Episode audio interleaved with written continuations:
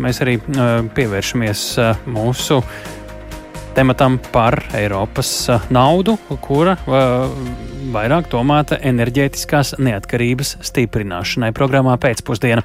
Nu, ko, šodien bija pat arī tāda īpaša preses konference, kur gan Latvijas politiķu un amatpersonas, gan arī no Briseles atbraukušie stāstīja par šo finanšu instrumentu, kurš gan, kā var noprast, vēl nav līdz galam precizēts, kā tieši tas darbosies. Tieši tāpēc par to, cik daudz pat labi ir zināms, uz dažām minūtēm iztaujāsim finanšu ministru padomnieku budžeta jautājumos Intu Dālderi. Labdien, Dālderkungs! Sveicināti! Fonda nosaukums ir Repower EU, varētu teikt tā, reenerģetizē vai a, a, no jauna piešķir spēku Eiropas Savienībai. Tas tāds mēģi, improvizēts tulkojums no manas puses. Kas šis ir par fondu?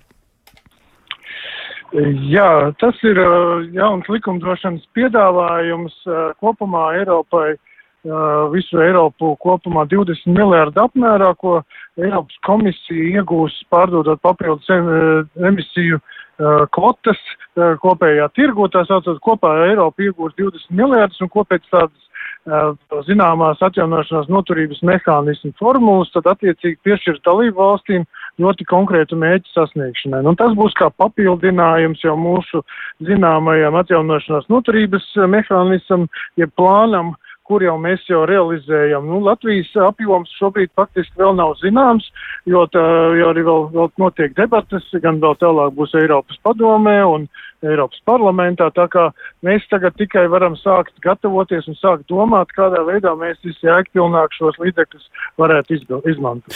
Tas bija papildinājums tiem 1,82 miljardiem, kas uh, bija atveseļošanās fonds, kas uh, vairāk bija saistīts ar pandēmijas laiku, ja? Jā, tieši tā, tas ir kā papildus instruments, tad drusku varbūt citi uh, iegū naudas uh, piesaistes veids nav gluži brīvā tirgu aizņemšanās, bet šīs ir emisija kvotas, bet nu, tas uz mūsu valsti uh, faktiski iespēja nekādā veidā neatstāja. Jā, nu kādiem mērķiem tad uh, šis jaunais uh, finanšu akcents varētu būt paredzēts enerģētiskās neatkarības stiprināšana, tas ir virsraksts, bet to var darīt ļoti dažādi, vai te kaut kas jau konkrētāks iezīmējis? Nu, pamatā mēs redzam, ka šobrīd ir tādi divi pīlāri. Viens ir tieši gāzes infrastruktūrā, neatkarība no Krievijas gāzes, pat tieši minēts avots, ka jāmēģina visiem Eiropā ir tikt, kā saka, maksimāli atvienoties no Krievijas gāzes un maksimāli izmantot sašķidrinātās gāzes uh, iespējas. Nu, tas ir viens no tiem, un otrs ir uh, dažādi citi arī energoefektivitātes, uh, enerģijas pārvades uh, pasākumi un tā tālāk, kas ļauj ietaupīt un ļauj arī uzlabot situāciju enerģētiskā neatkarībā un arī iespējams nākotnē arī tad mazināt uh, arī enerģijas izmaksas iedzīvotāji. Nu, faktiski tie tādos vienkāršos vārdos ir šis ir tas, kam tie šī līdzekļi varētu būt paredzēti. Nu, mēs arī tagad droši vien savā pusē sāksim gatavot savus priekšlikumus, kā mēs redzam, uzreiz jau ideja ir daudz no visām pusēm, un tad eh, droši vien, ka valdības līmenī būs jāvienojās, kas ir mūsu mhm. prioritātes. Bet, kā es teicu, vēl nav precīzs viss šis uh, galējais šis regulējums vēl nav noformēts, tam tas noteikti vēl Eiropas parlamentā tiks diskutēts, tā kā tas nav ātrs uh, risinājums, pilnīgi noteikti.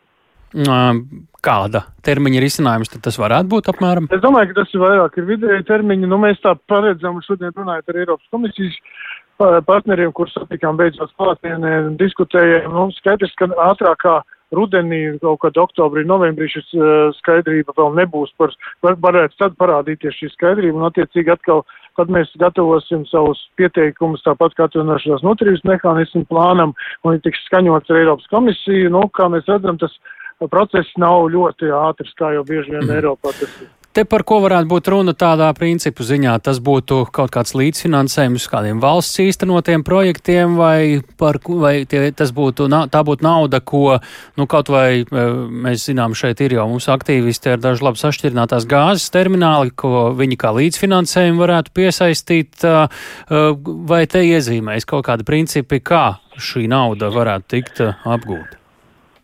Nu, jāsaka, arī pašā Eiropas komisijā viedokļi vēl dalās par to. Mēs tikko pirms dažām minūtēm runājām ar ekspertiem, kas Kādi varianti? Rīgā. Nu, e, šobrīd ir atšķirība no atjaunošanās noturības mehānismu ir tāda, ka ir, ir iespējams izmantot līdzekļus gāzes infrastruktūrai, kas nebija atļauts uh, atjaunošanas noturības mehānismā. Līdz ar to tā ir atšķirība.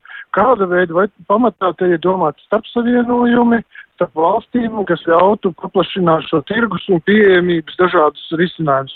Tiešā veidā, kā es saprotu, terminālim vai viena vai otra termināla būvniecībai tas nav paredzēts, bet nav arī izslēgts. Tātad, nu, tās būs visas debašu jautājums par to, kā dalība valsts savā starpā vienosies, kā katra valsts izlems, un tad būs, protams, nu, jā, jāpierāda tā vajadzība un jā, jādiskutē Eiropas komisijas eksperti. 100 līdz 200 miljoni tas ir tas, eh, kas šobrīd eh, nu, tādā eh, pieņēmuma līmenī šie cipari ir nosaukti aptuvenie, nu, par kāda mēroga projekta varētu runāt.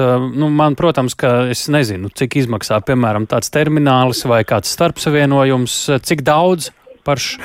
Nu, šī, protams, ir milzīga nauda un ir milzīga starpība 100 vai 200. Nu, paņemsim tos pašus 100 miljonus eiro un cik daudz ar to var izdarīt. Uh, Kaut vai kādu nu, piemēru. Tas atkarīgs vēl no tā, nu, ja mēs zinām, ka teiksim, mēs tā apmēram pieņemam, ka tā termināls šobrīd, kā mēs esam dzirdējuši, ir pilns termināls, maksā apmēram 150 miljonus. Tāds ir, teiksim, viedoklis ir vismaz izskanējis. Es arī nevaru to, tas jāprasa ir.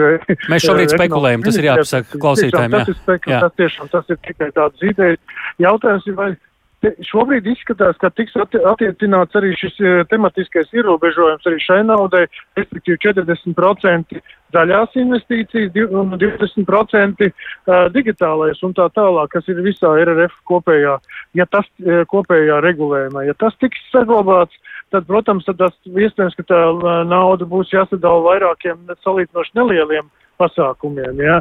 Uh, arī tāds ir versija. Nu, man, manā teiksim, ziņā, ir, ko es esmu dzirdējis, protams, liels nozīme mums ir tagad svarīgi ir uh, sagatavoties tiešām kaut kādiem elektrības krīzes uh, situācijām, respektīvi mēs esam no atdalīts no desinhronizēti no Krievijas elektrotīkliem un Baltkrievijas, kas nu, diezgan nu, pamatīgi var kādos brīžos būt uh, liela problēma. Tātad tur jāgatavojas, sadalās tīkli, jābūt gataviem uzņemt mikroģenerācijas jaudas, respektīvi vēja un saules baterijas, arī tur ir vajadzīgas investīcijas, ir vajadzīgs arī dažādas, nu, tiešām arī lieliem vēju parkiem būs ne tikai pašas turbīnas jāuzstāv, bet arī vispārējā infrastruktūra un tā tālāk tā kā ļoti daudz būs uh, dažādu ideju, kādā veidā izmantot šos līdzekļus. Nu, katrā ziņā tas ir labāk nekā, ka ideja nav.